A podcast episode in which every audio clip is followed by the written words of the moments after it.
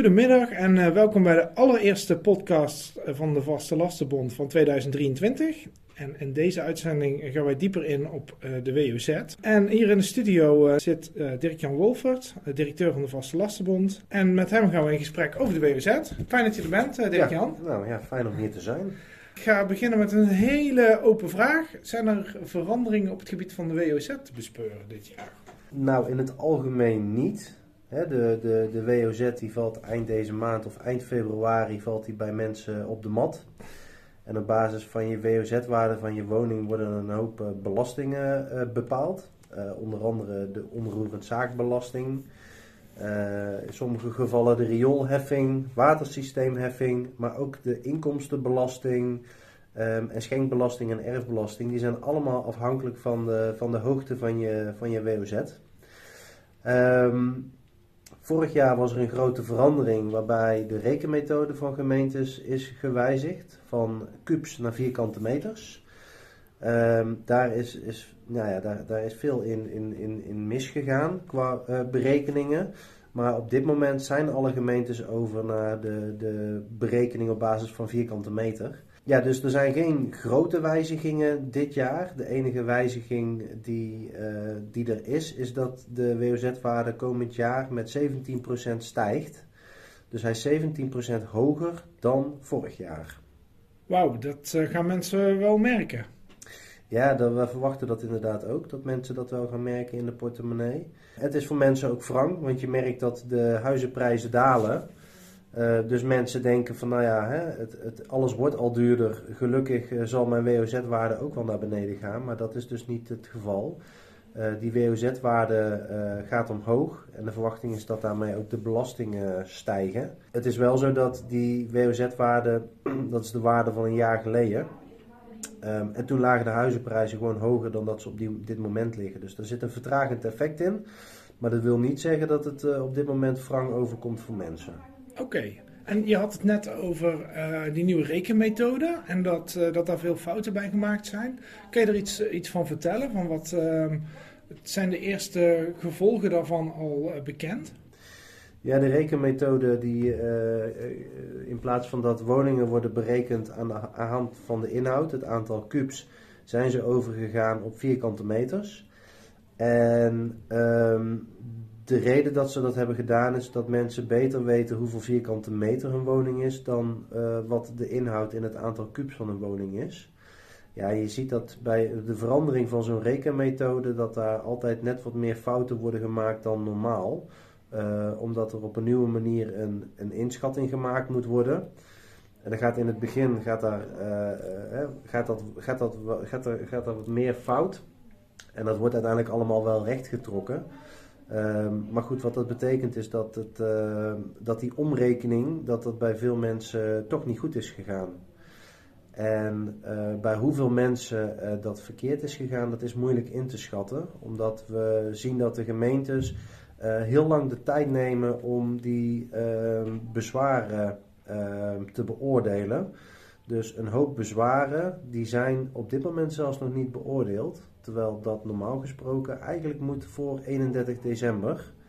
Um, maar goed, dat, eh, dat heeft de gemeente dus in een hoop gevallen niet voor elkaar gekregen.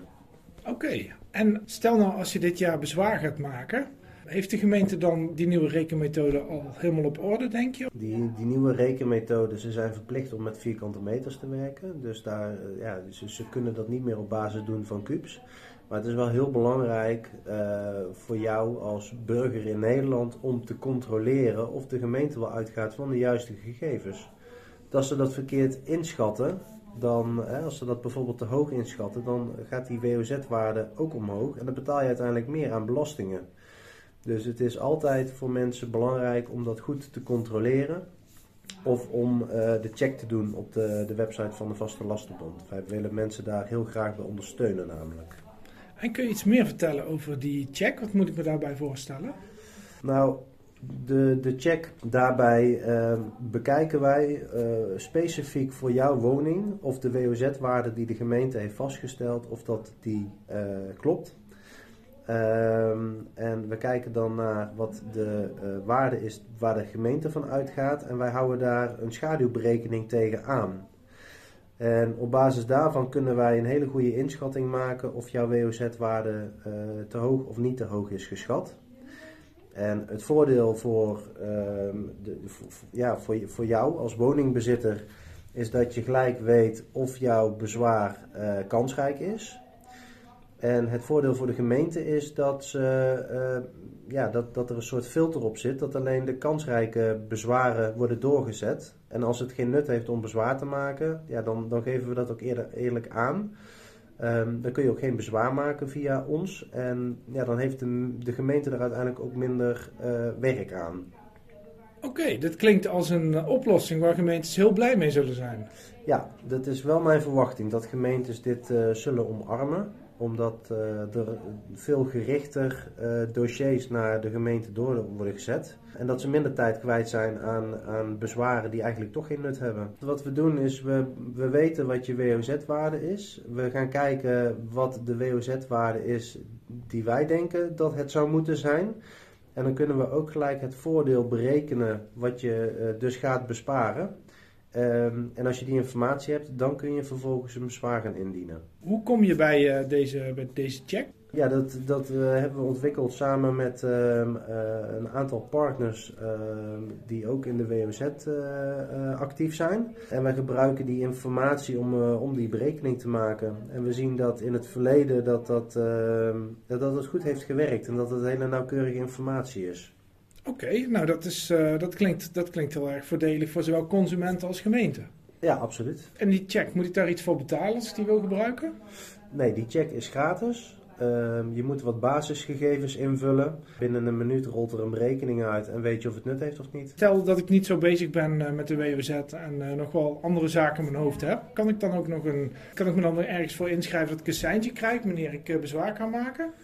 Uh, ja, de WOZ-alert, daar kun je je voor aanmelden. Dan houden wij uh, in de gaten wanneer je WOZ-waarde op de mat valt. En dan maken wij proactief voor jou die berekening. Dus dan heb je er ook geen werk aan. Nou, dat lijkt me een hele mooie boodschap om deze aflevering mee uh, af te sluiten.